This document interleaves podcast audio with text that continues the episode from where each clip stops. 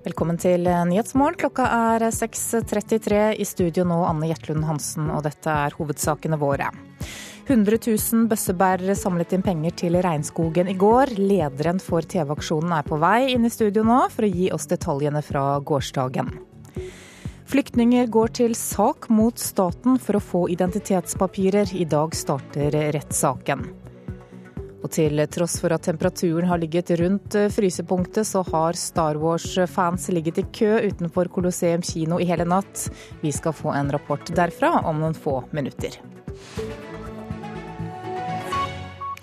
Men aller først til årets eh, TV-aksjon som gikk av stabelen i går. Så langt viser opptellingen at det er samlet inn nesten 183 millioner kroner til Regnskogfondet. Og de som ikke var ute og gikk med bøsser, kunne få med seg en stjernespekket direktesending på TV ettermiddag, alle sammen, og hjertelig velkommen til TV-aksjon. Nå er dugnadsdagen endelig her igjen. Endelig! endelig. Årets TV-aksjon fikk tittelen 'Vi skal vokte regnskogen'. Og ved hjelp av bøssebærere, auksjoner og kreative påfunn ble det samlet inn penger til Regnskogfondet. Lars Løvold er daglig leder i organisasjonen og forklarer gjerne hva pengene skal brukes til. Kort fortalt så skal vi ta vare på noen av de viktigste regnskogsområdene som er igjen på kloden. I Amazonas, i Kongo på øya Ny-Guinea. Til sammen er det et område som er større enn hele Norge og Danmark til sammen. Og det bor over én million mennesker der som er avhengig av den skogen for hele sin framtid. På NRK kunne man i går kveld se en seks timer lang direktesending med reportasjer, intervjuer og musikalske innslag.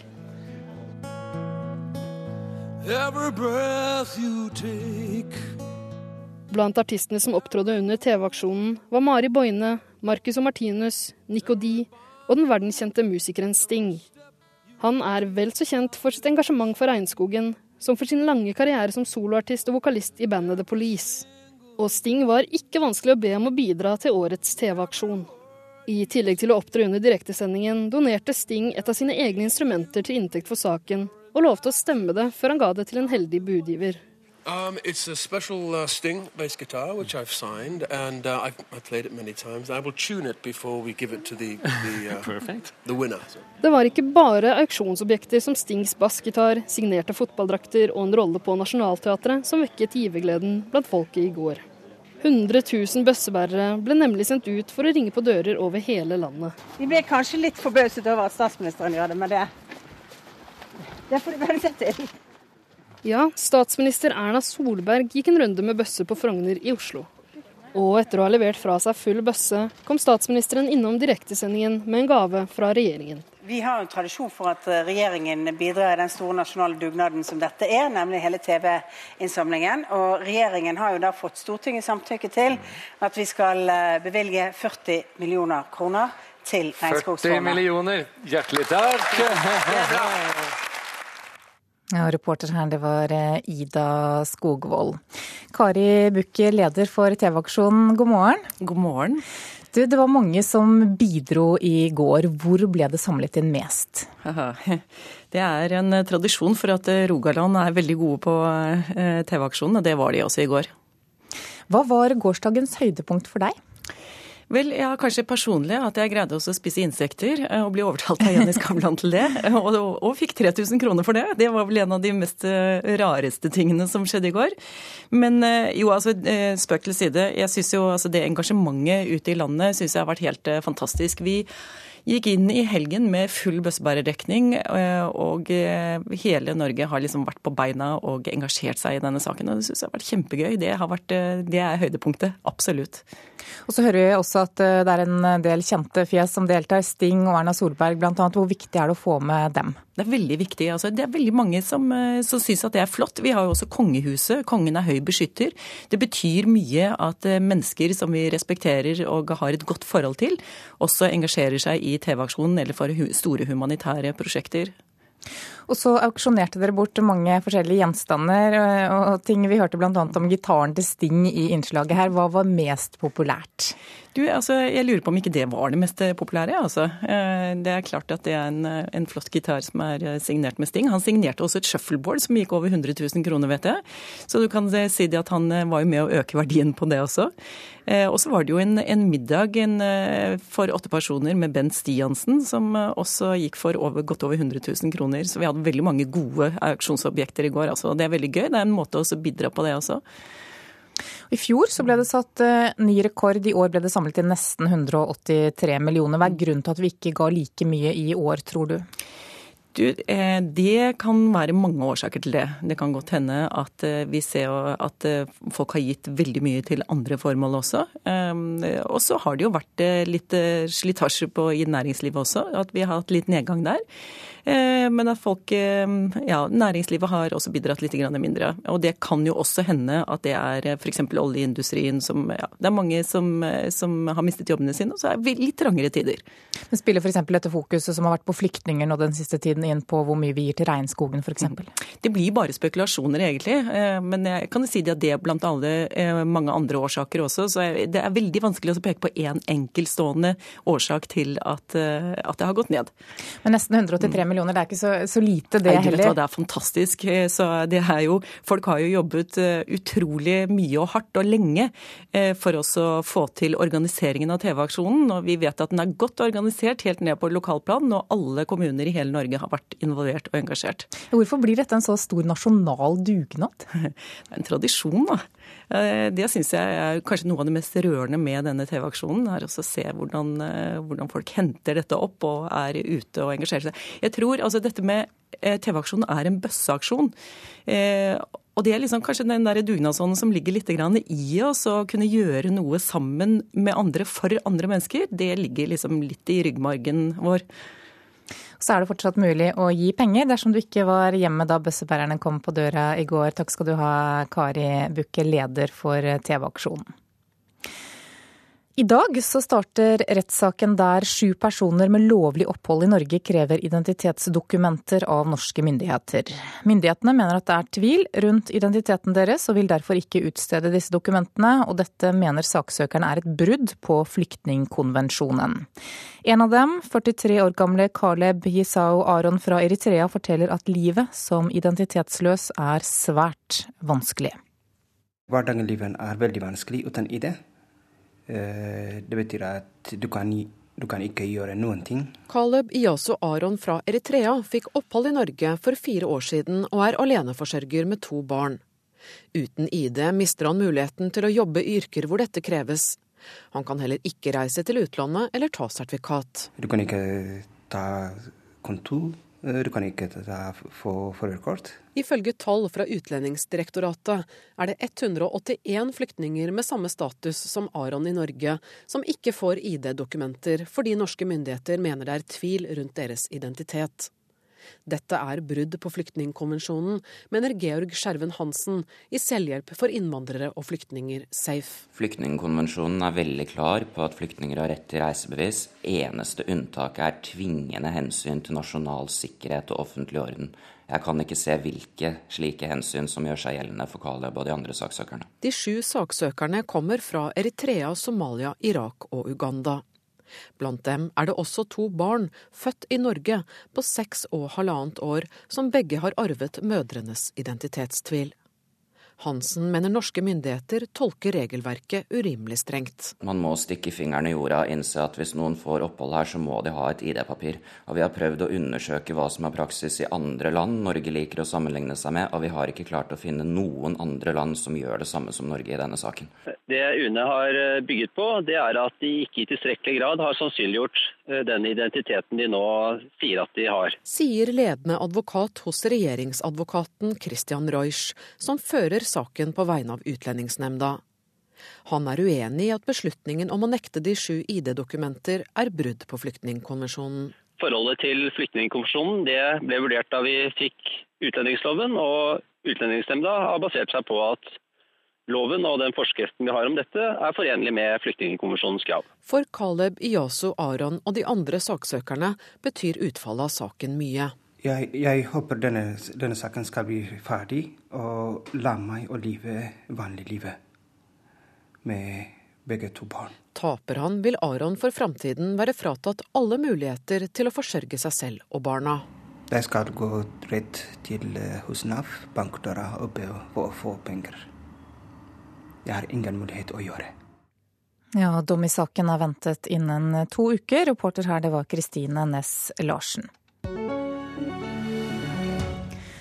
I natt så har Star Wars-tilhengere stått i kø utenfor Oslos største kino, nemlig Colosseum.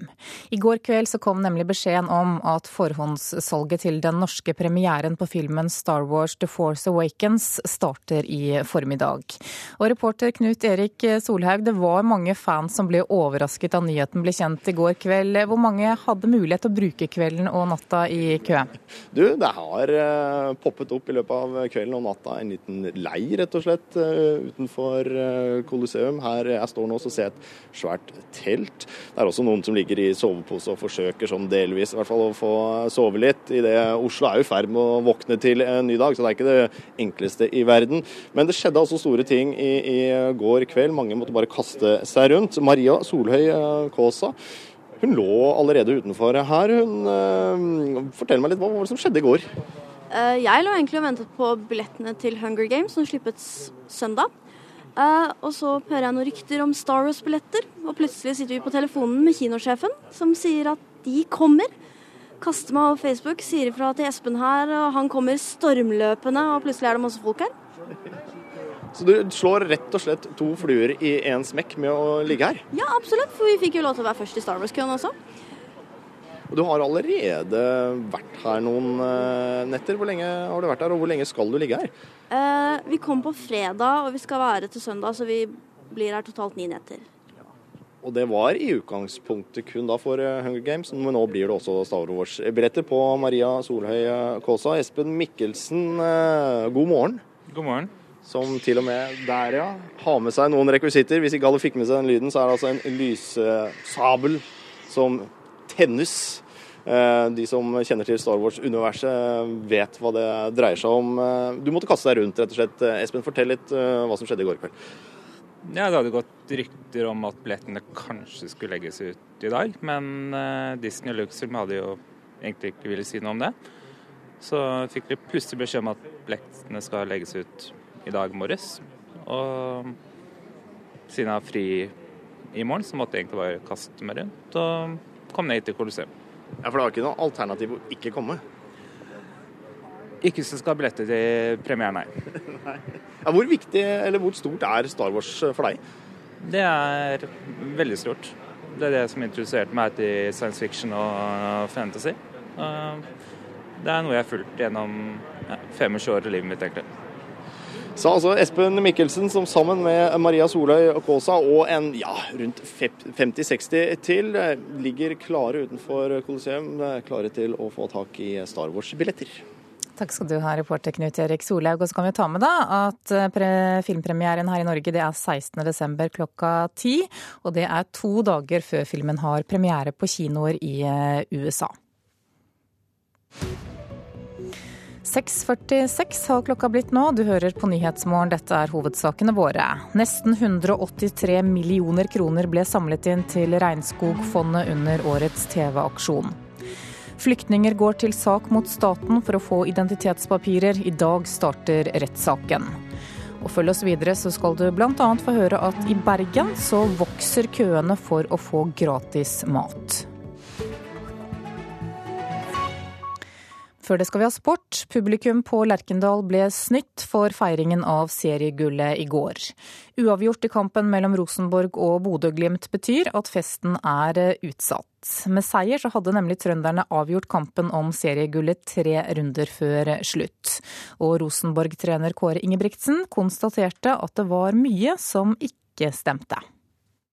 Rosenborg-spillerne kjører på og øyner et eh, seriegull, men da må de ha en eh, ny Det ble ikke noe festforestilling, det her, nei. Det, vi hadde skikkelig lyst til å å lage den festforestillingen, men det, det, det klarte ikke. Vi var ikke lass nok i dag. Langt fra noen toppkamp av Rosenborg foran 20 000 tilskuere på Lerkendal. Det kunne godt ha endt med tap, sier NRKs fotballekspert Carl Petter Løken.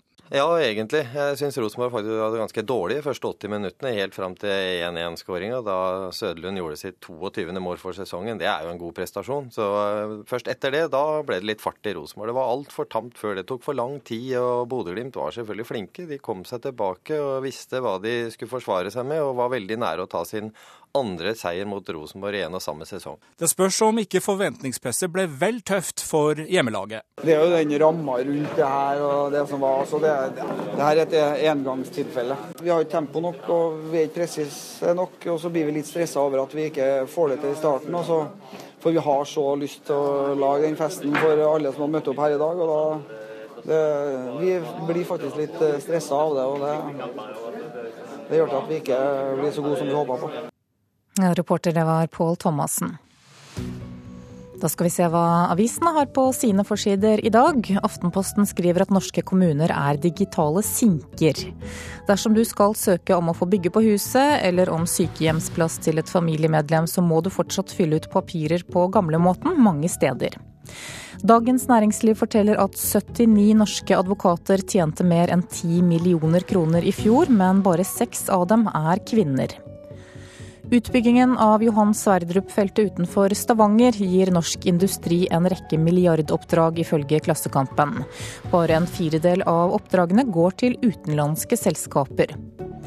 Nytt byråd i Bergen betyr tøffere tider for private aktører, ifølge Bergens Tidende. Både vikarbyråer, aktører i helsebransjen og utbyggere vil merke byrådsskiftet. Mange av disse må finne seg nye markeder, ifølge avisen. Fedrelandsvennen forteller om Raimond Ingerseth Sandvold, som har kjempet for å renvaske morens navn i 16 år. Moren ble funnet død i sin egen fryseboks, og konklusjonen var at hun hadde tatt sitt eget liv. Nå håper sønnen at saken blir gjenopptatt.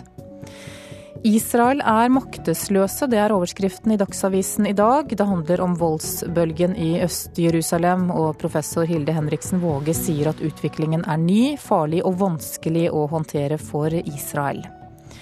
Sosiale medier tar nattesøvnen fra mange unge. I stedet for å gi ungdom sovemedisin, så må legene behandle årsakene til søvnproblemene. Det sier professor Steinar Krokstad ved NTNU til Adresseavisen.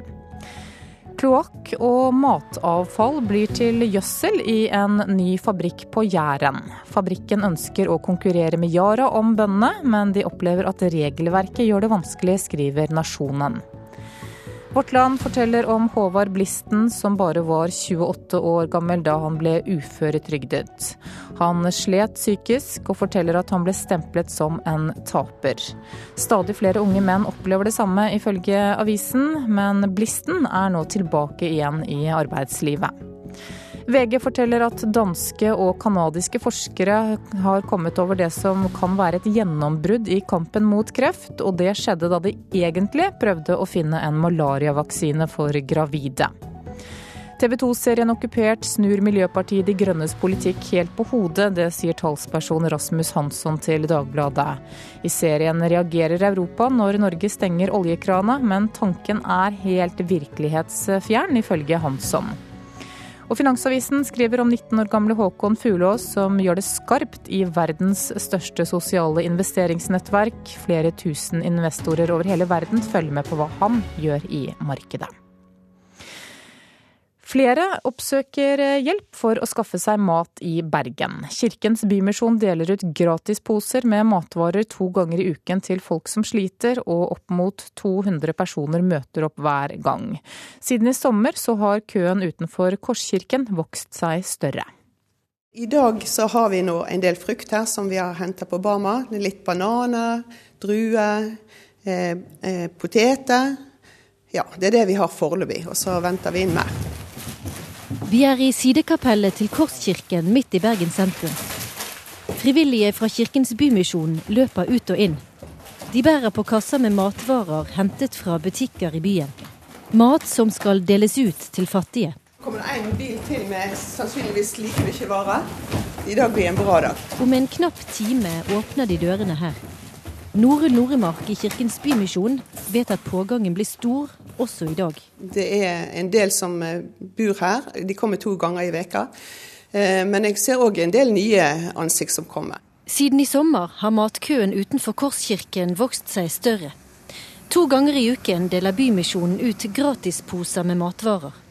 Opp mot 200 møter opp begge dagene. Bare de siste månedene er det et titalls flere som møter opp hver gang. En kvinne i 50-årene har kommet hit fra en av Bergens omegnskommuner. Og så kan jeg ta en kylling. Har du? Ja. Da går det greit. Og så må vi gå her. Hun har dårlig helse, er uføretrygdet og sier at mesteparten går med til husleie og medisiner. Hun forteller at hun tar bussen til byen og kommer her hver uke. Det er veldig viktig, for jeg har ikke råd til det sjøl. Det er det viktigste ut av alt, for du trenger jo litt mat i kroppen. Hvordan oppleves det å stå i køen? Det oppleves ganske bra. Det er veldig mange hyggelige folk her. Det er veldig mange som trenger det. Det er en mann som går med to krykker. Han har fire unger. Han har vært uførestrygd, så han har det vanskelig. Så han må gå her to ganger i uken. I folkemengden utenfor er likevel det store flertallet utenlandske. Det er bl.a. arbeidsinnvandrere og asylsøkere. Blant de mange utenlandske som kommer hit, er en ung mann fra Sør-Amerika. Uh, Mannen i 20-årene forteller at han besøker familie her i byen. Det er dårlige tider i hjemlandet. Han har lite å rutte med og ønsker å bli i Norge men snart må han ut av landet.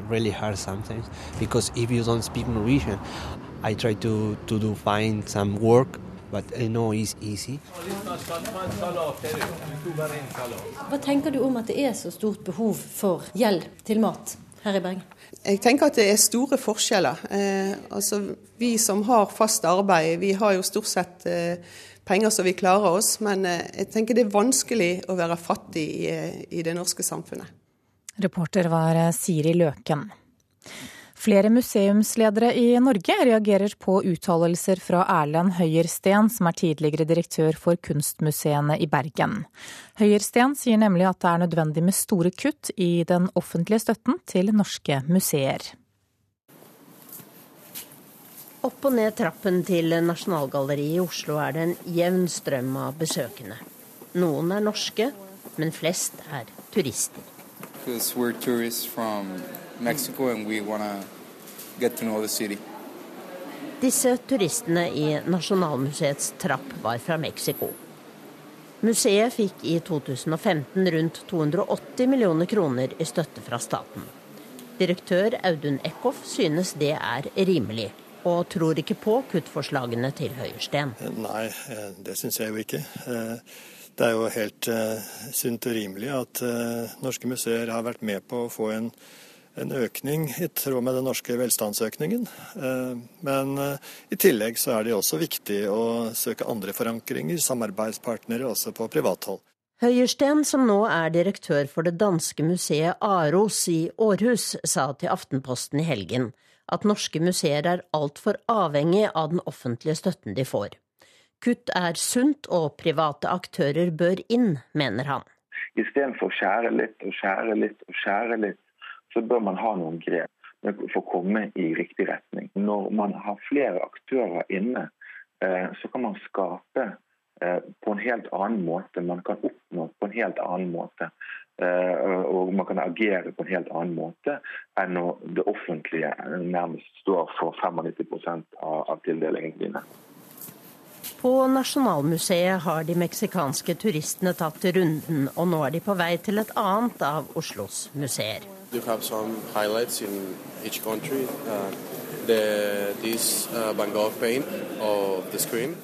det ikoniske Skrik finner de også på Munch-museet, der Stein Olav Henriksen er direktør.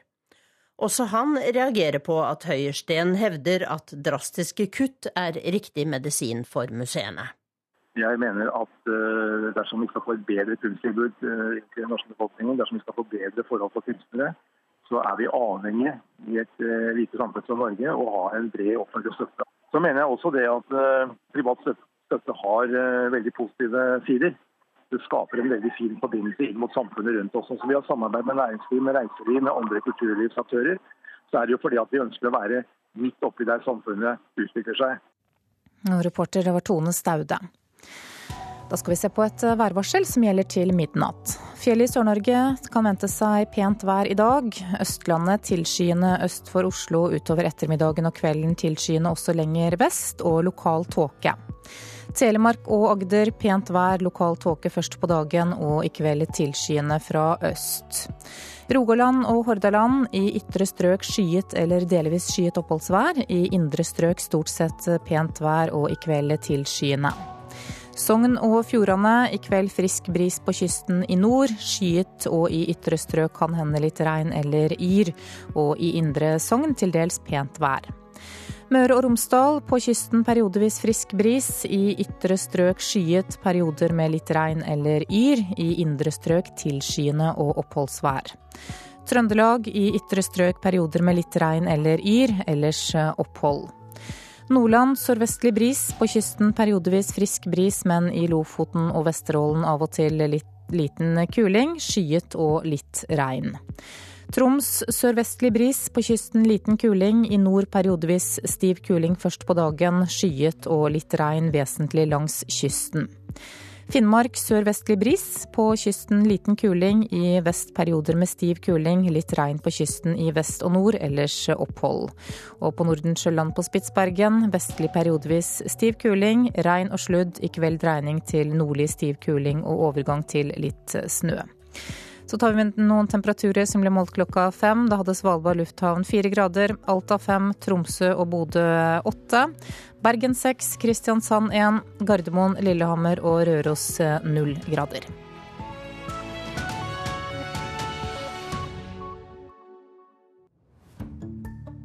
En av filmene som nå seiler opp som Oscar-favoritt, er 'Beasts of No Nation'. Der blir vi vitne til hvordan en vanlig gutt mister familien og ender opp som barnesoldat i en opprørshær. I en krig der det er alle mot alle, blir barna brikker i maktkampen i Kulturhuset på P2 i dag klokka 13.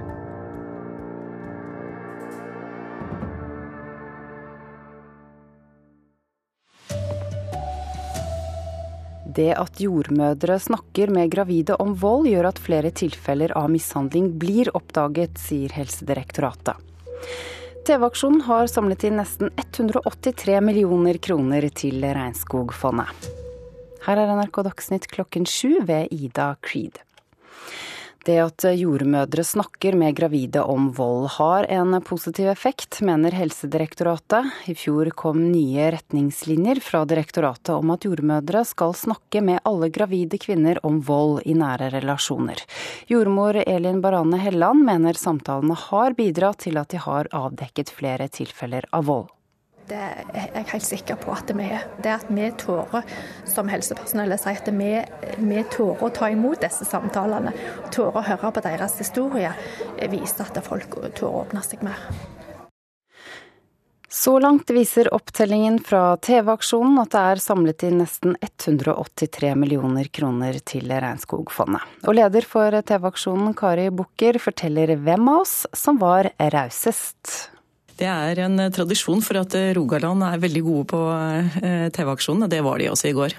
Folk har jo jobbet utrolig mye og hardt og lenge for oss å få til organiseringen av TV-aksjonen. Og vi vet at den er godt organisert helt ned på lokalplan, og alle kommuner i hele Norge har vært involvert og engasjert. Norge kan bruke en høyere andel av bistandsbudsjettet på å ta imot asylsøkere. Det mener Venstre-leder Trine Skei Grande. I år bruker regjeringen litt over 6% av bistandsbudsjettet på flyktningetiltak i Norge. Skei Grande bruker Sverige som eksempel. De bruker nesten 20% av bistandspengene på å ta imot asylsøkere. Økonomien til terrorgruppen IS blomstrer til tross for mange forsøk på å svekke den. Det skriver avisen Financial Times. Anslag fra lokale oljehandlere og ingeniører tyder på at IS produserer og selger olje for 12 millioner kroner hver dag. Utenriksminister Børge Brende sier likevel at den økonomiske situasjonen i de IS-kontrollerte områdene blir stadig vanskeligere. Mange celler står tomme i norske fengsler, til tross for at flere hundre straffedømte står i soningskø. Ifølge Dagbladet ventet så mange som 1200 personer på å bli innkalt til soning i mai i år. Avisen skriver at det i Ringerike fengsel står 20 celler ledige etter at fanger er sendt til Nederland, der Norge leier soningsplasser. En 40 år gammel britisk mann er siktet for å ha forgiftet og drept fire menn i begynnelsen av 20-årene. Drapene skjedde mellom juni i fjor og september i år. 40-åringen fremstilles for fengsling i dag, skriver avisen The Guardian. Det var NRK Dagsnytt. Klokka er 7.03. Eh, du hører på Nyhetsmorgen. Straks skal vi til vår korrespondent i Jerusalem, der en israelsk soldat ble drept i et nytt angrep med kniv i går. Den kinesiske økonomien har ikke vokst så lite de siste månedene som siden finanskrisen i 2009. Og om bare noen timer, nemlig klokka 11, så legger den nye byregjeringen i Oslo frem sin byrådserklæring. Allerede nå så er det en del lekkasjer om hva slags planer den har for hovedstaden. En eh, israelsk soldat er drept og flere andre skadd etter et angrep med kniv og skytevåpen i den israelske byen Bershava i går kveld. Ifølge israelsk politi så ble gjerningspersonen som de mistenker er en palestiner, skutt og drept av politiet. I løpet av måneden så er åtte israelere og flere enn 40 palestinere drept i uroen som har preget området de siste ukene. Og korrespondent Sigurd Falkenberg Mikkelsen, du er i Jerusalem. Dette angrepet skjer altså til tross tross for økte sikkerhetstiltak. Hva konkret er blitt gjort? Det skal f.eks. ha vært eh, ekstra sikkerhetsvakter på denne busstasjonen eh, hvor angrepet i går fant sted. Det som er eh, nytt med dette angrepet, er at det skjer inne i Israel, ikke på den okkuperte Vestbredden eller her i deler av Øst-Jerusalem. Eh, mens eh, det de har gjort i Jerusalem, det er å f.eks. sette opp eh, veisperringer i den østlige deler av bydelen. De har også i et sted opp, begynt å sette opp en mur som skal skille en jødisk og palestinsk bydel. Det er altså mye mer politi i gatene her nå, men det er grunnleggende svært vanskelig å forsvare seg mot den type angrep, med mindre man da skal fysisk adskille de to eh, befolkningene. Ja, hvordan reagerer den palestinske befolkningen på disse sikkerhetstiltakene? Altså, det er jo fortvilelse og uro også på palestinsk eh, side. Eh, mange palestinere beveger seg lite ute, og i hvert fall ikke i jødiske områder. Og De lurer jo på hvor dette skal ende, og om disse tiltakene som nå settes i verk er permanente, eller om de på et eller annet tidspunkt kommer til å fjernes. Men er det noe som tyder på at disse angrepene er koordinerte? Nei, Så langt så har man antatt at dette dreier seg om eh, enkeltinitiativ, gjerne fra svært eh, unge uh, menn. Jeg har sett noen spekulasjoner i israelsk media om at det kan være mindre celler som nå er organisert for å gjennomføre den type angrep. Men i hvert fall så virker det ikke som noen av de store palestinske politiske bevegelsene, og i hvert fall ikke de palestinske selvstyremyndighetene, er involvert i dette på noen måte. Frankrike har jo foreslått å sende internasjonale observatører til den omstridte Al-Aqsa-moskeen. Hvordan er reaksjonene på dette forslaget? På israelsk side så har reaksjonene vært eh, meget eh, negative, og forslaget blir kontant eh, avvist. Som de nesten alltid gjør når det kommer eh, spørsmål om internasjonal tilstedeværelse eh, her i området. Eh, jeg har ikke sett palestinerne kommentere direkte dette utspillet fra Frankrike, men de er jo generelt mye mer positive til å få inn internasjonale observatører. Det tas nå noen forsiktige diplomatiske skritt. USAs utenriksminister John Kerry skal altså møte Israels statsminister Benjamin Netanyahu og palestinernes president Mahmoud Abbas denne uka, men det er uklart hva de som som kan komme ut av det. Kerry har jo tidligere mislykkes med et fredsmeglingsforsøk her i regionen. Fra Jerusalem skal vi videre til Beijing. Kinesisk økonomi vokste med 6,9% i månedene juli, august og september. Og dermed nådde ikke myndighetene målet om en vekst på 7% Tallet er det laveste veksttallet siden 2009, og skjer til tross for at kinesiske myndigheter har satt i gang en rekke tiltak for å holde farten i økonomien oppe. Og korrespondent Peter Svaar, hva sier disse tallene om tilstanden i kinesisk økonomi? Ja, Dagens tall føyer seg jo nå inn i en lang serie av svake nøkkeltall her i Kina, som vi eh, har sett gjennom eh, hele dette året. Det er bare noen uker siden det kom tall for industrien her som viste en veldig kraftig nedgang fra året før. Og Det vesentligste med dagens tall er at kinesiske myndigheter ikke når det nye og allerede nedjusterte vekstmålet de har satt. De bommer akkurat på målet om 7 eh, vekst. Samtidig er Kina nå inne i en stor økonomisk omstilling av sin økonomi. hvor kommunistpartiet her forsøker å vri økonomien vekk fra den eksportdrevne veksten som har eh, levert vekstrater på over titallet nå i mange år, og over til en vekst som skal eh, komme gjennom innenlandsk forbruk, gjennom varehandel og gjennom tjenester. Og akkurat nå så er man på mange måter mellom to stoler, fordi eh, eksporten synker og de statlige infrastrukturutbyggingene avtar, samtidig som dette innenlandske markedet som skal bygge den nye kinesiske økonomien, enda ikke er sterkt nok til å holde tallene oppe. Hvordan påvirker dette verdensmarkedet? På veldig mange måter. Eh, F.eks. Eh, shipping, hvor amerikanske havner i forrige uke meldte om veldig mange skip som seiler med tomme konteinere nå. Eh, vi ser det gjennom lavere etterspørsel på containerfrakt, som har sunket kraftig. Og så ser du det i etterspørsel etter råvarer. Farten i kinesisk økonomi gjenspeiles i oljeprisen. Det er jo ikke noen bråstopp her i Kina enda, men det skaper likevel veldig store ringvirkninger når en så stor økonomi som den kinesiske nå har sakket farten.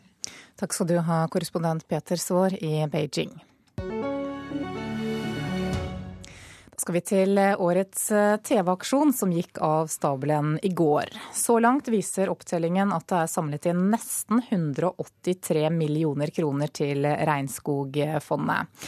Lars Løvold, leder i fondet, god morgen og gratulerer, må jeg få lov til å si? Ja, tusen takk. Det var en fantastisk dag. Du, eh, hva skal disse pengene brukes til? Overskriften er at de skal ta vare på områder av den mest verdifulle regnskogen som er igjen i kloden, i Amazonas, i Kongo, på øya Ny-Guinea, og til sammen er disse områdene større enn Norge og Danmark lagt sammen. Det bor over én million regnskogsbeboere i disse områdene, og de skal sikres en framtid gjennom denne fantastiske dugnadsinnsatsen som det norske folk gjorde i går. Men Kan du være litt mer konkret om hvordan pengene skal brukes? Det, det er litt avhengig av hvor vi er. Eh, la oss ta grensestrøkene mellom Brasil og Peru. Der har du helt fantastisk regnskog i store områder, bebodd av indianere som vet om oss, men ikke vil ha noe med oss å gjøre. De er ekstremt sårbare en influensa kan drepe store deler av stammen. Regnskogfondet har bygget overvåkingsposter, dokumenterer at de fins, arbeider for at de skal få et område som er fem ganger Hordaland, eh, til å leve i fred. Og pengene går altså til å bygge flere overvåkingsposter, bemanne dem, varsle hvis det kommer tømmerhuggere og andre som vil trenge seg inn i dette området, for det er et verdifullt område. Så det er ett eksempel blant mange.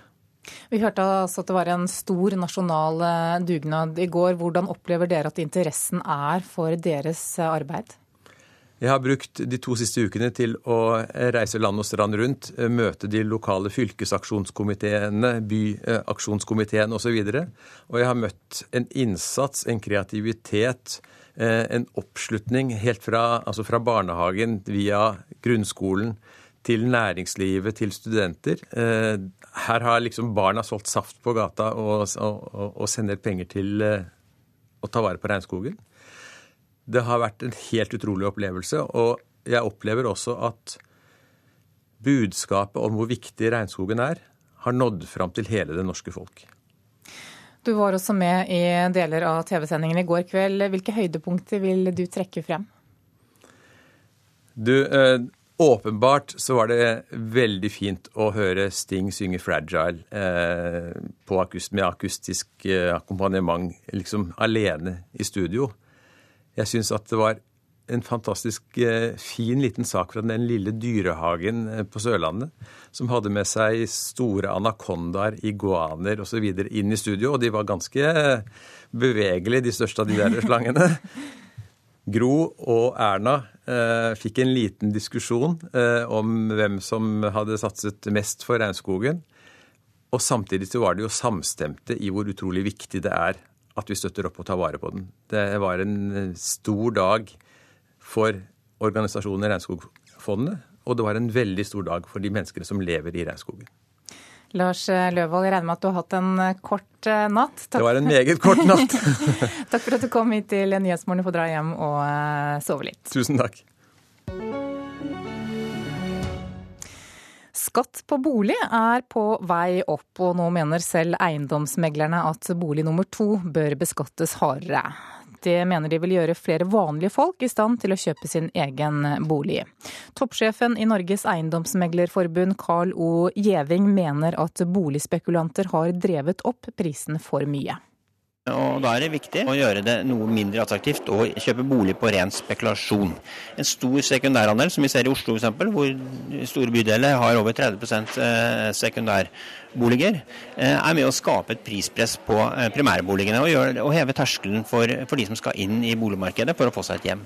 Det finnes nesten 290 000 sekundærboliger i Norge, ifølge en ny analyse. Og så er det blitt færre selveiere enn før. Gjeving, som er administrerende direktør i Norges eiendomsmeglerforbund, tror noe av dette skyldes at det har vært altfor lukrativt å kjøpe flere boliger. Eh, historisk har vi hatt over 80% boligeiere i dette landet. I dag så er det rundt 77% så det har vært en fallende tendens de siste årene, som eh, antagelig henger sammen med prispresset. Slik at eh, det å få ned eh, eh, presset og prisene i, i boligmarkedet vil gjøre det enklere å komme inn og heve andelen som kan eie sin egen bolig. Gjeving er altså glad for at skatten på sekundærboliger er på full fart oppover. Bare 40% av verdien på nummer to-boligen var skattbar så sent som i 2012. Siden har både rød-grønne og blå økt dette kraftig. Til neste år skjerpes skattegrunnlaget til 80% av markedsverdien. Marte Gerhardsen, leder i tankesmien Agenda, mener dette må opp til 100% Sekundærbolig er jo et investeringsobjekt, på lik linje med å investere i næringsvirksomhet og i annen virksomhet. Så det er ikke noe grunn til at det skal skattes lavere enn andre ting. For det vi ser i Norge som er et problem, er jo at folk istedenfor å investere i selskaper, i bedrifter, i noe som gir arbeidsplasser, så sylter de pengene ned i eiendom fordi det har vært så lukrativt. Så her er det nødvendig å gjøre grep. Regjeringen er på vei, men her kan vi gjøre mer. Finansminister Siv Jensen la akkurat fram et forslag til statsbudsjett som altså skjerper skatten på sekundærboliger. Er målet på sikt å nå 100% Regjeringen har nå gjort eh, noen innstramminger i verdsettelsen av sekundærboliger og næringseiendom som vi mener er riktig. Hva vi eh, tenker om det i kommende budsjett, det får du vite når vi legger frem eh, neste års budsjett igjen. Eller budsjettet for 2017, da. Ja, reportere det var Linda Reinholdsen og Sindre Heierdal. Blant Norges 100 rikeste så er det bare 23 personer som har bygd opp formuen sin fra grunnen av, det skriver Dagens Næringsliv. Ligningslistene som ble lagt fram på fredag viser at 77 av de 100 med størst formue startet med en stor arv, skriver avisen. Listene viser også at de 1000 rikeste i Norge har økt formuene sine med over 45% siden 2006. 7.15 har klokka blitt. Dette er hovedsakene våre. I løpet av måneden så er åtte israelere og flere enn 40 palestinere drept. I går ble en israelsk soldat drept i den israelske byen Bershava. Den kinesiske økonomien har ikke vokst så lite de siste månedene siden finanskrisen i 2009. Og følg oss videre. Det at jordmødrene snakker med gravide om vold, gjør at flere tilfeller av mishandling blir oppdaget, sier Helsedirektoratet. Om bare noen eh, timer, nemlig klokka 11, så legger den nye byregjeringen i Oslo frem sin byrådserklæring. Og en av sakene det knyttes mest spenning til er hvordan det rød-grønne byrådet vil håndtere en ny E18 mellom Oslo og Asker. Utredningene har pågått i flere tiår, og prislappen bare de siste fem årene er på 300 millioner kroner, uten at en eneste meter er bygget. Nå frykter samferdselsministeren at Arbeiderpartiet, SV og Miljøpartiet De Grønne vil skyve en ny E18 enda flere år frem i tid. Europavei 18 inn til Oslo vestfra, den såkalte Vestkorridoren. Rundt 100 000 biler passerer her hvert døgn. I hovedstaden er det bred politisk enighet om at biltrafikken her skal reduseres. Spørsmålet er hvordan. Vi legger jo opp til å måtte finansiere veien med bompenger. Sier Knut Glørsen i Statens vegvesen. I over 20 år har han jobbet med planer for en ny E18. I den fasen vi er inne i nå, fra ca. 2010, har vi brukt omtrent 300 millioner vi anslått på planleggingen av E18 gjennom Asker og Bærum. I Oslo har både SV og Miljøpartiet De Grønne programfestet at de vil skrinlegge en ny E18. I Arbeiderpartiets program står det at Ap vil ha et eget miljøfelt på E18. Men i valgkampen var påtroppende byrådsleder Raimond Johansen langt fra å skrinlegge en ny vestkorridor. Det at noen har anledning til å kunne få en tunnel sånn at Sandvika ikke er splittet, Asker ikke er splittet, det mener jeg er helt en helt naturlig del av at denne regionen vokser med Molde by hvert eneste år. Men dersom det skal bygges et ekstra kollektivfelt, kommer det også til å føre til noen flere privatbiler, sier forsker Aud Tennøy ved Transportøkonomisk institutt. Jo, det er klart. Sånn som det er nå, så har man tre felt ut av byen. Tre bilfelt. Og hvis man da bygger et nytt kollektivfelt, og tar, eh, tar, bussene ut av det tredje bilfeltet, så får jo bilene der litt ekstra kapasitet. Ja, Det blir jo interessant å se hva de kommer med. Sier samferdselsminister Ketil Solvik-Olsen fra Fremskrittspartiet. Han er redd det nye byrådet vil presse på for å utsette E18-planene som allerede foreligger. Det de kan oppnå, som en del politikere pleier å gjøre, det er å kreve nye utredninger for å få den samme informasjonen servert en gang til. Nå har vi holdt på med dette i mange tiår, på tvers av mange regjeringer. Jeg syns vi kan prøve å unngå at eh, noen nye politikere i Oslo skal kreve en ny utredning om det som alle andre allerede vet. Reporter her det var Ragne Riise og Fredrik eh, Lauritzen. De siste ukene så har altså Arbeiderpartiet, SV og Miljøpartiet De Grønne sittet i byrådsforhandlinger for å overta makten i eh, Oslo. Og politisk kommentator her i NRK, Magnus Takvam, hva har vært det vanskeligste i disse forhandlingene? Ja, Det har nok vært eh, å bli enige om hva man skal prioritere mellom disse tre partiene. Man har et eh, tross alt begrenset eh, budsjett, og hvert av partiene er avhengig av å få gjennomslag for sine hjertesaker. Så det er liksom det som har vært krevende i, i, i bånn for det hele. Ellers er det klart at f.eks. ting som gjelder Oslo-skolen, i hvor stor grad man skulle reversere det testregimet som har vært i Oslo, har vært en dragkamp. Eh, eh, og som sagt, et annet eksempel er SVs krav om gratis aktivitetsskole i Oslo. Det har da endt opp med et kompromiss der man får gjennomslag for gratis kjernetid for etter hvert åtte bydeler. Så det er bare et par eksempler. Det går an å si noe mer om, om hva de har blitt enige om? Ja, De er jo enige om det de selv kaller, når man snakker med dem, eh, et kjempemiljøløft miljøløft i Oslo. Eh, så de bruker store ord, sier at med dette så vil Oslo kunne bli verdens miljøby. Som vi hørte i innslaget her, så er det spennende å se når man får detaljene om E18 i pressekonferansen. For alle skjønner at Oslo har én posisjon og må forhandle med Akershus og eh, de berørte kommunene og staten osv. for å få en endelig løsning. Så Det, det er blant de tingene som, som vi er, er, spent på. Og Så er de også avhengig av eh, Rødt. Hvilke konsekvenser får det? Nei, Det det er et mindretallsbyråd. De mangler eh, to stemmer, vel. Altså De har 28 Eh, selv. Så Rødt er på vippen. Og det er klart at hvis Rødt skal stille en garanti, som de er villige til, altså om å støtte budsjettene i denne perioden, garantere for det og, og skape, skape, da ro for så vidt om, om budsjettene, så må de ha et, en klar seier tilbake. Og det har vært det som har vært framme i mediene, nemlig at de framtidige velferdstjenestene, f.eks. i barnehager osv., skal driftes av ikke-kommersielle aktører. Eh, og det kravet tror jeg eh, man greier å bli enige om, med noen avgrensninger av hva en kommersiell aktør er osv. Men formelt så skal partiet Rødt sitt styre eh, ta stilling til dette i ettermiddag. Så, så det, men jeg tror i, i, prinsippet at man greier å bli enige om det. Og så veldig kort, Hvem kan vi vente oss at blir byråder?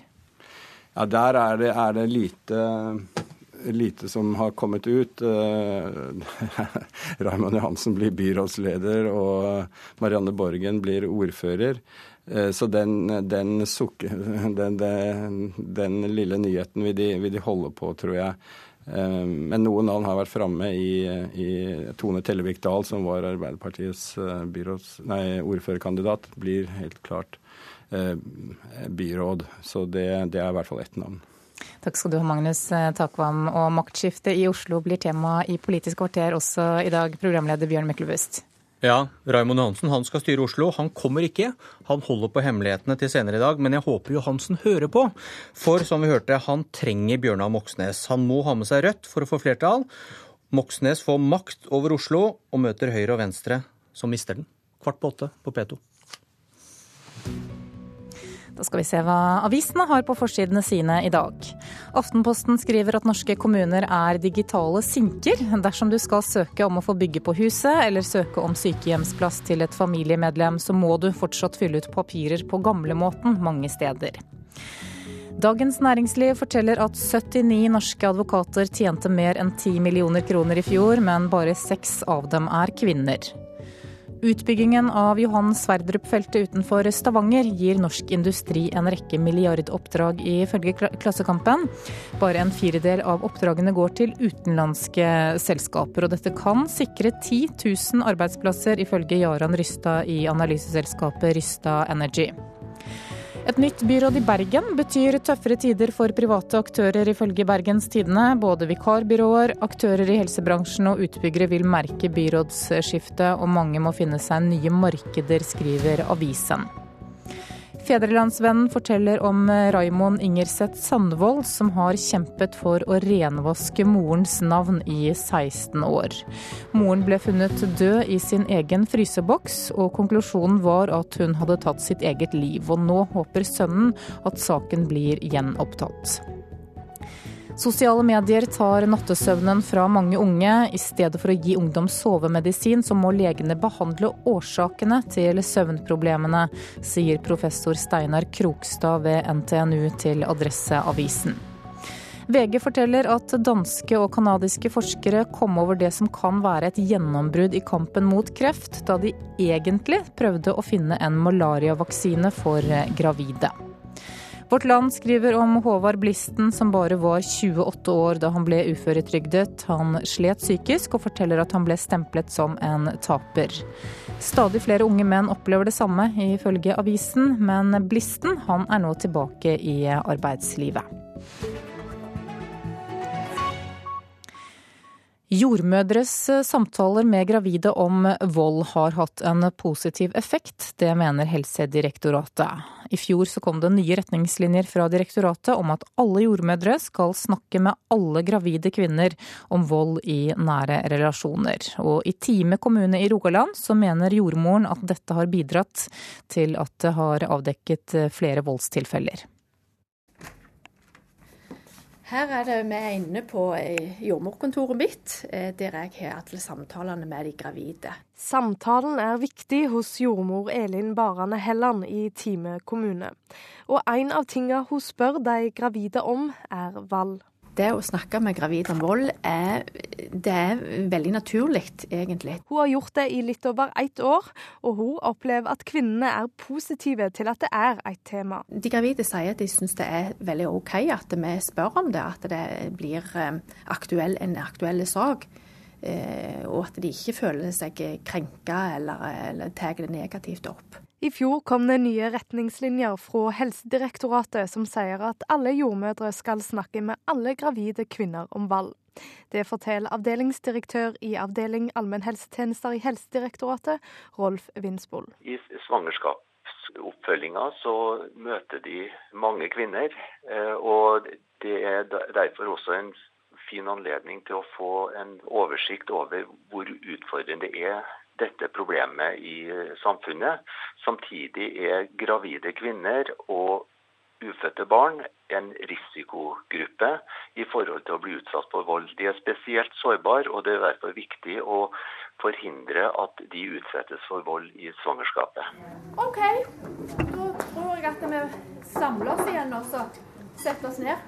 For å nå fram til kvinnene blir jordmødrene kursa om temaet. Da vil jeg bare ønske hjertelig velkommen til Elisabeth. Denne dagen skal jordmødre i Rogaland få høre hvordan barn opplever vold i nære relasjoner, fra Elisabeth Nordhus Lie.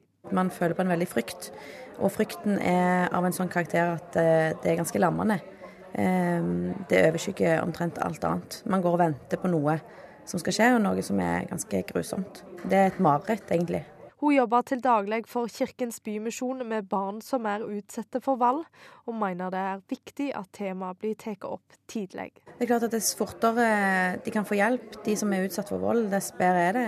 Og vi vet jo at barn blir jo stressa allerede i magen. Eh, de kan jo òg selvfølgelig bli påført skader av vold hvis kvinnen blir utsatt for vold. Helsedirektoratet har verken tall på hvor mange jordmødre som har innført de nye retningslinjene, eller tall på hvor mange tilfeller av vold i nære relasjoner som har blitt avdekka. Men Vinsbol mener likevel at en kan se en positiv effekt. Vi opplever at eh, mange setter pris på å få en, eh, gjennom dette og få en mulighet til å snakke om et vanskelig tema. Jeg hadde visst at det er, at det er mange som er utsatt for vold, men jeg er nok litt overraska over at folk er ærlige og at de sier noe om det. Det siste året har jordmor Barane Helland fått høre flere historier om vold og hun er sikker på at samtalene har bidratt til at de har avdekka flere tilfeller av vold enn de ellers ville gjort. Det er jeg helt sikker på at vi er. Det at vi tårer som helsepersonell si at vi, vi tårer å ta imot disse samtalene, tårer å høre på deres historie, viser at folk tårer å åpne seg mer. Reporter det var Kjersti Hetland.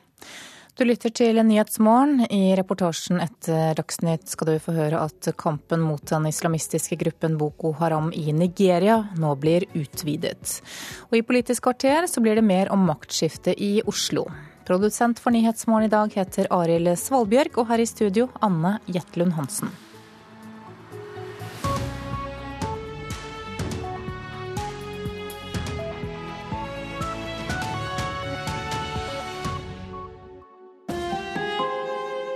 Hør ekko. Sorgen gjør det umulig å jobbe.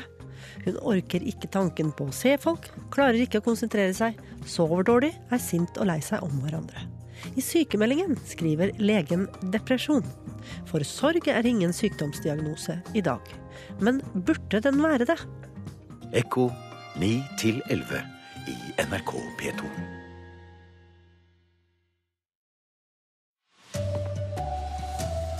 Flere står i kø i Oslo og i Bergen for å skaffe seg gratis mat. Vi som har fast arbeid, vi har jo stort sett eh, penger så vi klarer oss. Men eh, jeg tenker det er vanskelig å være fattig i, eh, i det norske samfunnet. Og i natt har Star Wars-tilhengere ligget i kø utenfor Oslos største kino. Her er NRK Dagsnytt ved Ida Creed, klokken er 7.30. Ja, flere oppsøker hjelp for å skaffe seg mat i Norges to største byer. I Oslo sier Frelsesarmeen at køene vokser for hvert år, og også i Bergen ønsker flere og flere gratis mat. Kirkens Bymisjon deler ut gratisposer med matvarer to ganger i uken til folk som sliter. Opp mot 200 møter opp hver gang. Siden i sommer har køen utenfor Korskirken vokst seg større. I dag så har vi nå en del frukt her som vi har henta på Bama. Litt bananer, druer, poteter. Vi er i sidekapellet til Korskirken midt i Bergen sentrum. Frivillige fra Kirkens Bymisjon løper ut og inn. De bærer på kasser med matvarer hentet fra butikker i byen. Mat som skal deles ut til fattige. Om en knapp time åpner de dørene her. Norunn Noremark i Kirkens Bymisjon vet at pågangen blir stor også i dag. Siden i sommer har matkøen utenfor Korskirken vokst seg større. To ganger i uken deler Bymisjonen ut gratisposer med matvarer. Opp mot 200 møter opp begge dagene. Bare de siste månedene er det et titalls flere som møter opp hver gang. En kvinne i 50-årene har kommet hit fra en av Bergens omegnskommuner. Hun har dårlig helse, er uføretrygdet og sier at mesteparten går med til husleie og medisiner. Det er det viktigste ut av alt, for du trenger jo litt mat i kroppen. I folkemengden utenfor er likevel det store flertallet utenlandske. Det er bl.a. arbeidsinnvandrere og asylsøkere. Hva tenker du om at det er så stort behov for hjelp til mat her i Bergen? Jeg tenker at det er store forskjeller. Eh, altså, vi som har fast arbeid, vi har jo stort sett eh, penger så vi klarer oss. Men eh, jeg tenker det er vanskelig å være fattig i, eh, i det norske samfunnet. Lindis Evja, sosialsjef i Frelsesarmeen, forteller at det også er flere som kommer for å hente mat ved Frelsesarmeens slumstasjon i Oslo. Ja, vi ser også en økning, og det har vi gjort over lengre tid. At vi eh, har mange som kommer eh, for å be om hjelp til noe så elementært som mat. Eh, og det er jo ulike grupper. Vi har barnefamilier som vi ser en økende tendens som kommer. Eh, vi, eh, det er eh, søreuropeiske tilreisende som kommer hit for å søke arbeid, og som sliter. Og vi har en del romfolk som også kommer for å be om hjelp. Reportere Siri Løken og Kristine Næss Larsen. I Israel er reaksjonene sterke etter enda et angrep mot israelere. En soldat ble drept og flere andre såret etter angrep med kniv og skytevåpen i den israelske byen Betsheba i går kveld. I løpet av oktober er åtte israelere og flere enn 40 palestinere drept i uroen som har preget området de siste ukene. Og gårsdagens angrep skjedde til tross for ekstra sikkerhetstiltak. Det som er eh, nytt med dette angrepet, er at det skjer inne i eh, Israel, ikke på den okkuperte Vestbredden eller her eh, i deler av Øst-Jerusalem. Mens det de har gjort i Jerusalem, det er å f.eks. sette opp veisperringer i den østlige deler av bydelen.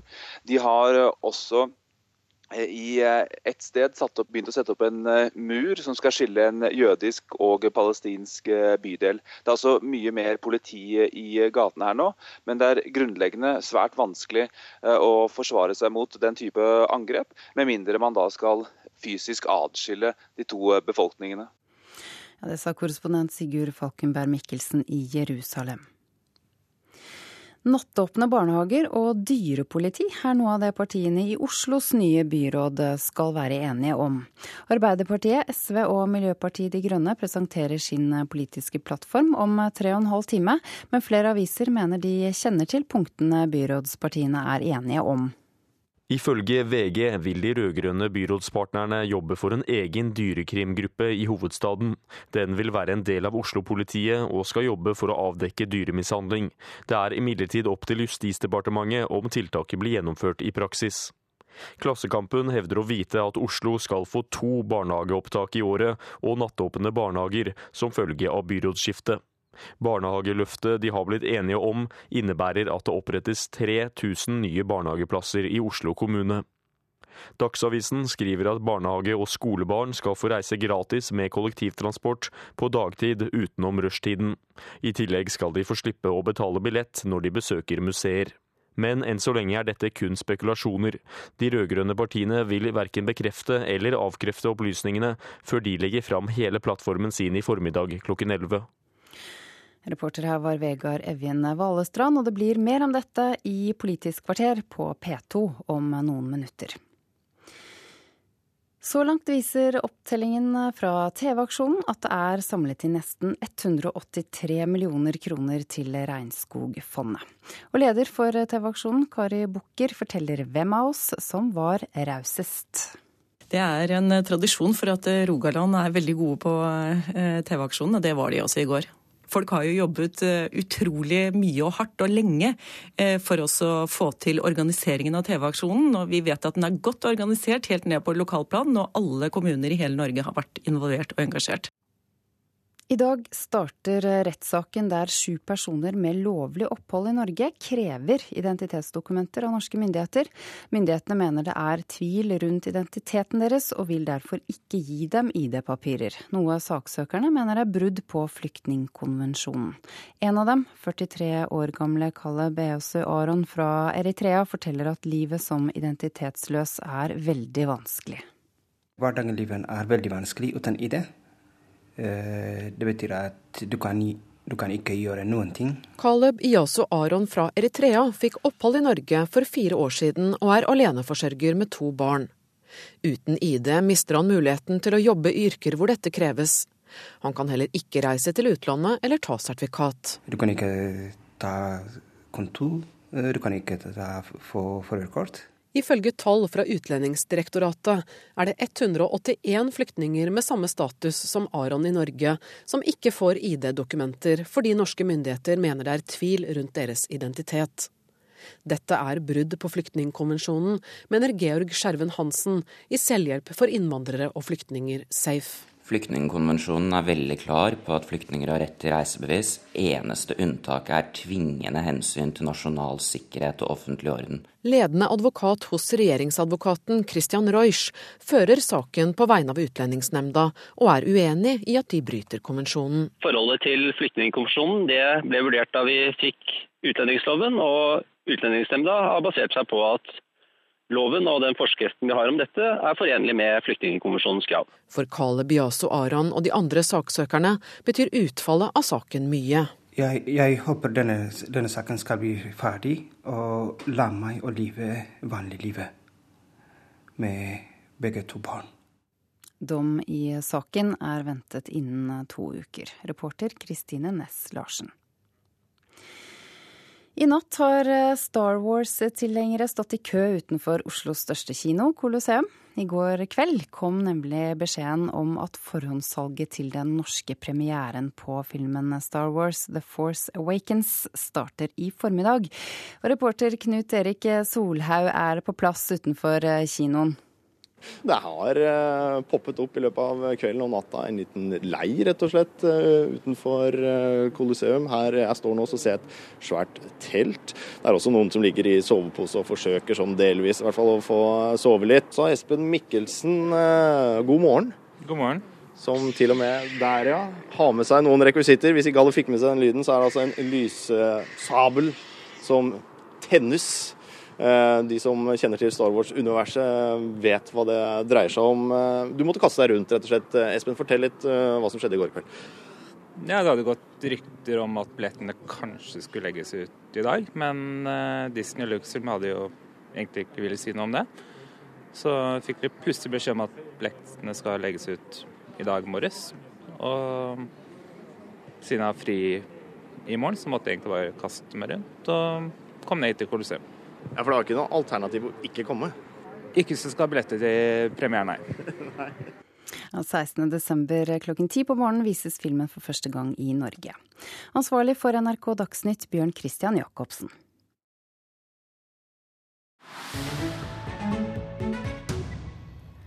Klokka er 7.40, eh, og i Nyhetsmorgen nå så skal vi til eh, Nigeria. For der blir kampen mot den islamistiske gruppen Boko Haram nå utvidet. Flere naboland og USA bidrar med militær støtte. Men de bortførte skolejentene har det vist seg vanskelig å redde. Ei fortvila kvinne har vært vitne til et selvmordsangrep i Nigeria. Boko Haram tyr til stadig mer desperate handlinger. Nesten hver dag er det meldinger om aksjoner med feige midler. Og for en av lederne i Bring Back Our Girls, dr. Ibrahim, er det trist nytt. Men samtidig ei stadfesting av at opprørsgruppa Boko Haram nå har mista mye terreng. Most of the territory the Boko Haram militants uh, took over have been recaptured and they are now concentrated uh, mainly in the Sambisa forests. Now, now that they're on the run, however, they have been extremely destructive. They have resorted to suicide bombing, mostly carried out by young girls who they attach bombs to and blow up. Uh, mer og mer desperate og skruppelløst grusomme. Boko Haram bruker ofte jentene til å utføre selvmordsaksjonene. De fester sprengstoffet på småjenter og tvinger dem til å gjennomføre handlingene. Dette skjer nesten daglig nå, sier Shibrin Ibrahim. Små Boko Haram-grupperinger er dessuten på flukt og reider landsbyer på veien. Ille handlinger, men utført av en svekka og splitta organisasjon. Vitnesbyrda er sterke fra de som har overlevd. She said, uh, she was taken there by her father, who said that that's the most direct way to go to heaven. Uh, two of them went to carry out the suicide bombing. When the first girl detonated her bomb and she saw how people died, she got so frightened and decided not to detonate her own uh, bomb. And it just shows that these are innocent young girls who are being killed, some of them by their parents, Det hender at jentene er sendt som rekrutter av sine egne foreldre, forteller Ibrahim. Men i dette tilfellet overlevde altså den skremte jenta, etter å ha forstått sprengkrafta i beltet som var festa på henne. Det var hennes egen far som hadde sagt at dette var beste begen til himmelen. Nå er offensiven mot Boko Haram trappa opp. Nabolandene Niger, Tsjad og Kamerun samarbeider. Og denne veka reiste amerikanske soldater samt overvåkingsdroner til Kamerun. U.S. military forces uh, who were deployed to Cameroon uh, are there at the invitation uh, of the government of Cameroon and will act in coordination. Jeg spør han som leier kampen for å få de bortførte jentene tilbake, om ikke det amerikanske militærbidraget også kan komplisere kampen mot det antivestlige Boko Haram. I think uh, the drones will certainly help in identify where they are going when they are on the run, so that uh, they could be chased and dealt with. Men for skolejentene som har vært borte i snart halvt annet år, minker håpet. Å redde jentene har vist seg å være ekstremt vanskelig. På et tidspunkt ble skolejentene lokaliserte, men Boko Haram omringa dem med eksplosiver og gjorde redning umulig. Men håpet nå er at utvida samarbeid og hjelp av droner kan redde de som ennå kan bergast av de bortførte skolejentene i Nigeria. Det sa reporter Sigrun Slappkar. 7.44 er klokka blitt nå. Dette er hovedsakene våre. Flere står i kø i Oslo og i Bergen for å skaffe seg gratis mat. Blant dem er flere barnefamilier. I Israel er reaksjonene sterke etter enda et angrep mot israelere. Og flyktninger går til sak mot den norske staten for å få identitetspapirer. I dag starter rettssaken. Klokka nærmer seg 7.45. Det betyr at du skal få Politisk kvarter i denne kanalen, og programleder i dag det er Bjørn Myklebust.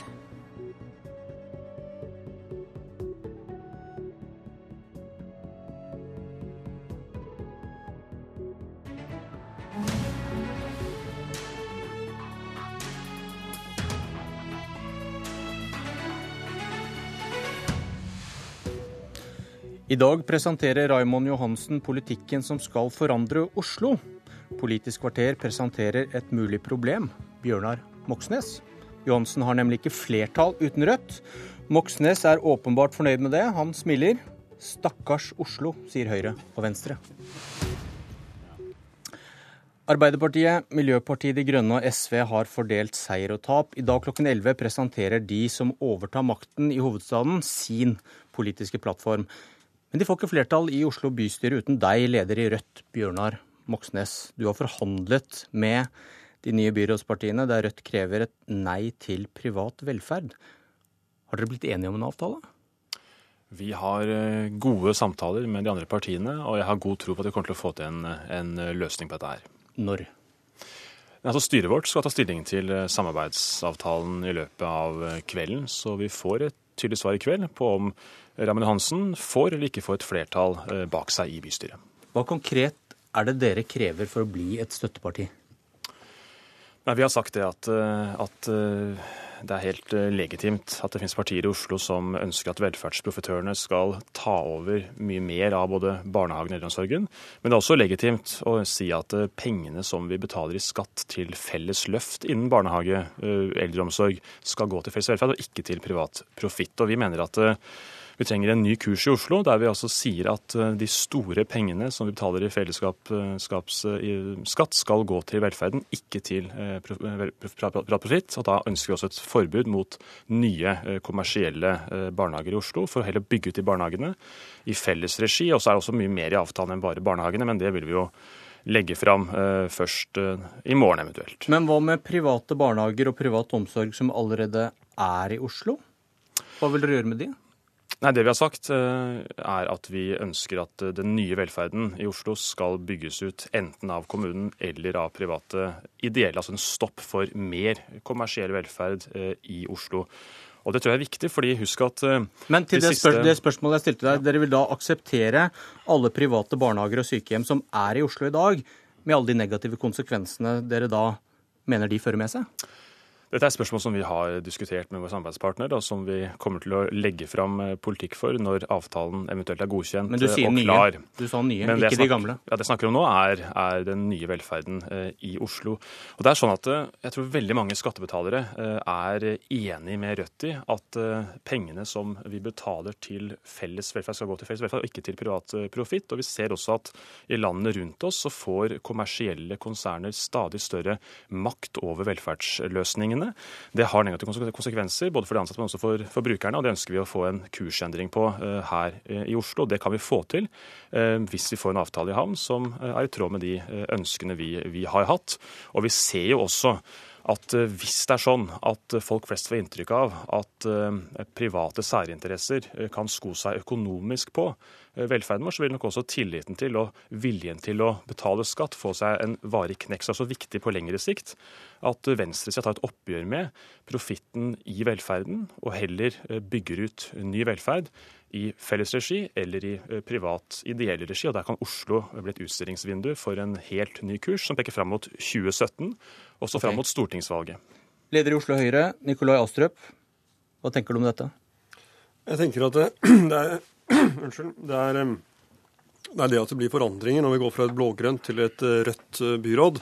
Eh, det er det jo ingen tvil om. Det visste vi at det ville, ville bli.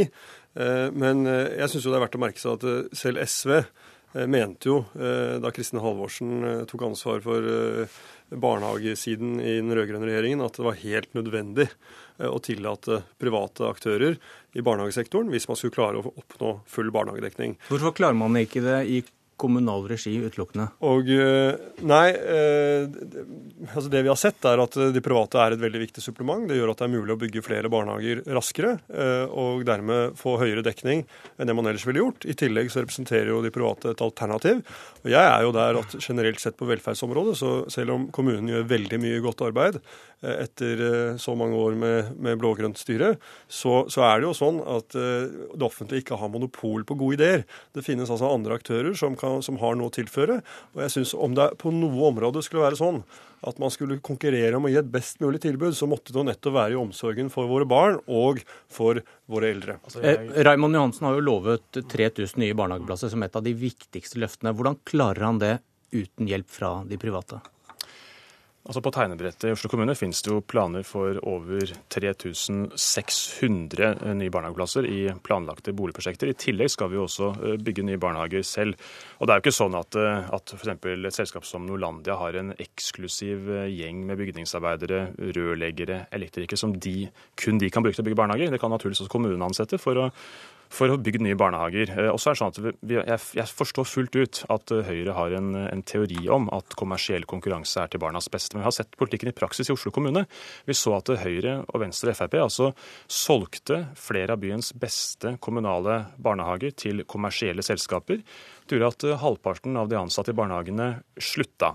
Så når toåringen da kom til barnehagen på mandagen, så hadde de mista halvparten av de ansatte som de hadde fått eh, nært forhold til og, hadde, og stolte på og hadde tillit til. Så jeg tror ikke at eh, kommersiell konkurranse er det som gjør eh, barnehagene bedre eller eldreomsorgen bedre. Det er å satse på tjenestene og si at vi ønsker at pengene som bevilges til de tjenestene her, skal gå til barnas beste, til de eldres beste, og ikke hentes ut i privat profitt. Og Her tror jeg vi skal få et nytt flertall som kan føre en helt tydelig ny kurs i Oslo, vekk fra Eh, velferdsprofitt og over til å satse på å utvikle tjenestene i fellesskap. Guri Melby, byråd for samferdsel og miljø i Oslo i to dager til.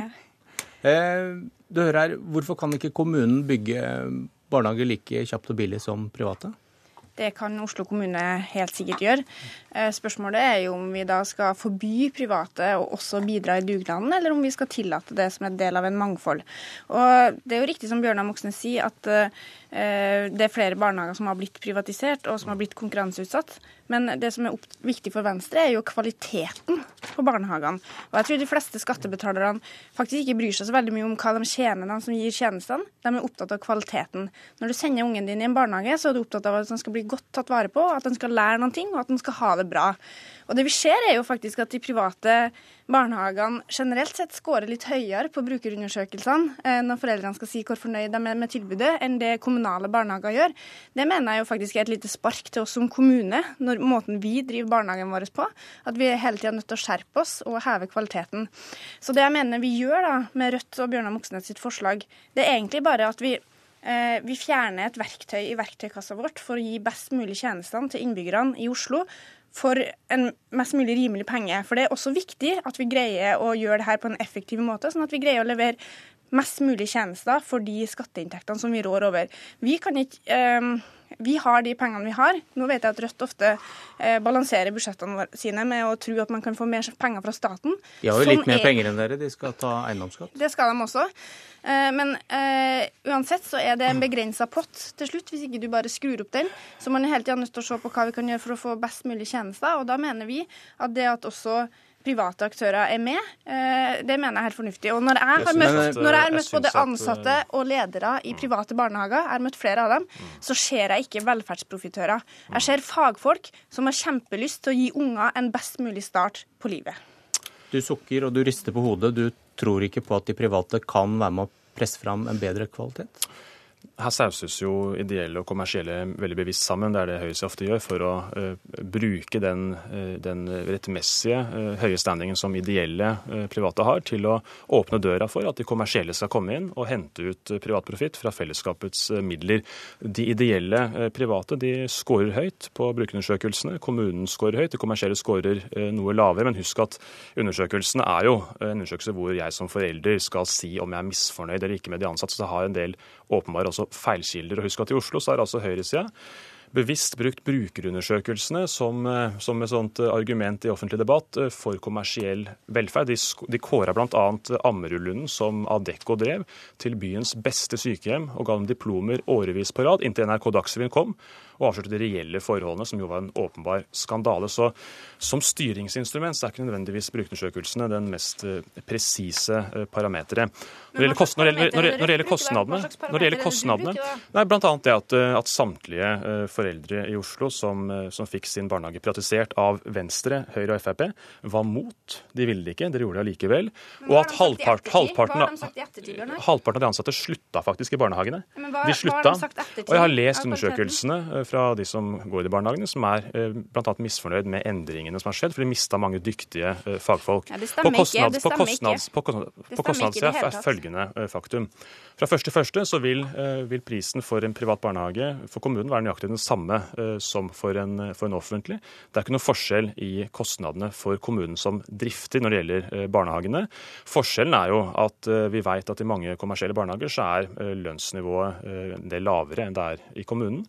Eh, samme gjelder i eldreomsorgen. Så også de som jobber i tjenestene, mener vi, eh, bør ha eh, ålreite lønns- og arbeidsforhold. Okay. Og det blir dessverre også svekka når de kommersielle skal hente ut profitt. For da må de også kutte kostnadene, og da er det ofte de ansatte som betaler prisen. Og det vil også gå utover brukerne av tjenestene. Nikolai Astrup, Raymond Johansen sitter på en nøkkel her. Det er han som godtar dette her eventuelt. Og så sier Moxnes at vi skal også overbevise Støre fram mot 2017. Hva tenker du om Arbeiderpartiet oppi dette? Nei, jeg tror jo Arbeiderpartiet erkjenner at det er veldig krevende å få til å bygge ut veldig mange nye barnehageplasser uten at de også de private er med på dugnaden. Eh, og jeg tror det vil være et, veldig uheldig hvis, vi, hvis Bjørnar Moxnes får gjennomslag for, for, det han her foreslår. Og jeg er jo enig med Guri Melby at det, det er mye viktigere å fokusere på innholdet. At barnehagen er god, fremfor å se på hvem som drifter dem. Og det er et eksempel på Bjørnar Moxnes' ideologiske skylapper. Eh, at han er mer opptatt av hvem som driver en tjeneste, enn hva resultatet eh, er.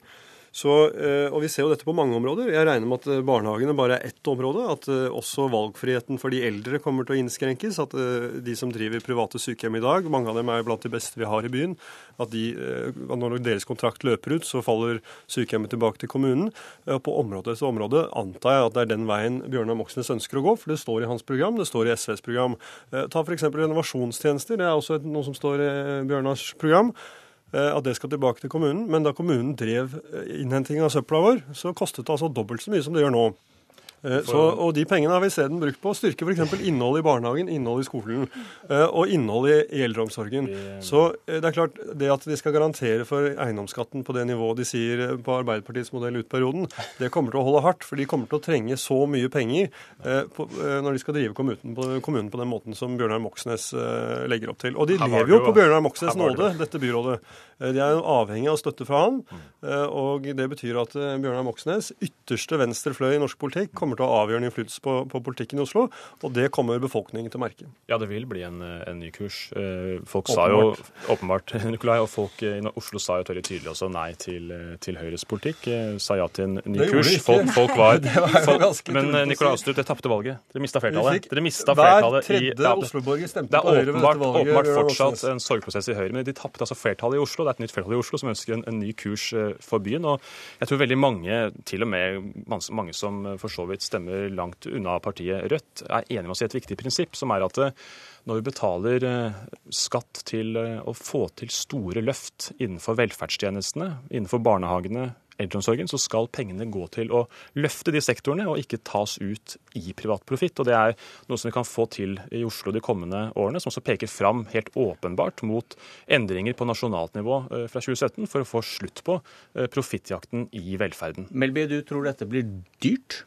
Ja, Litt som Astrup? Dyret er at folk tar ja, ut penger fra fellesskapet uh, i privat profitt. For, det første så, så, er jo akkurat det vi har snakka om nå, det å bruke konkurranse som virkemiddel for å kunne gi bedre tjenester uten å nødvendigvis betale mer for det, et viktig virkemiddel som vi har brukt for å stadig kunne gi bedre tjenester til Oslos innbyggere. I tillegg så vet vi jo at Rødt har ganske mange andre dyre valgløfter. Og det er klart at jeg er bekymra på Oslo sine vegne når Raymond Johansen er nødt til å forplikte seg så tett til samarbeid med Rødt.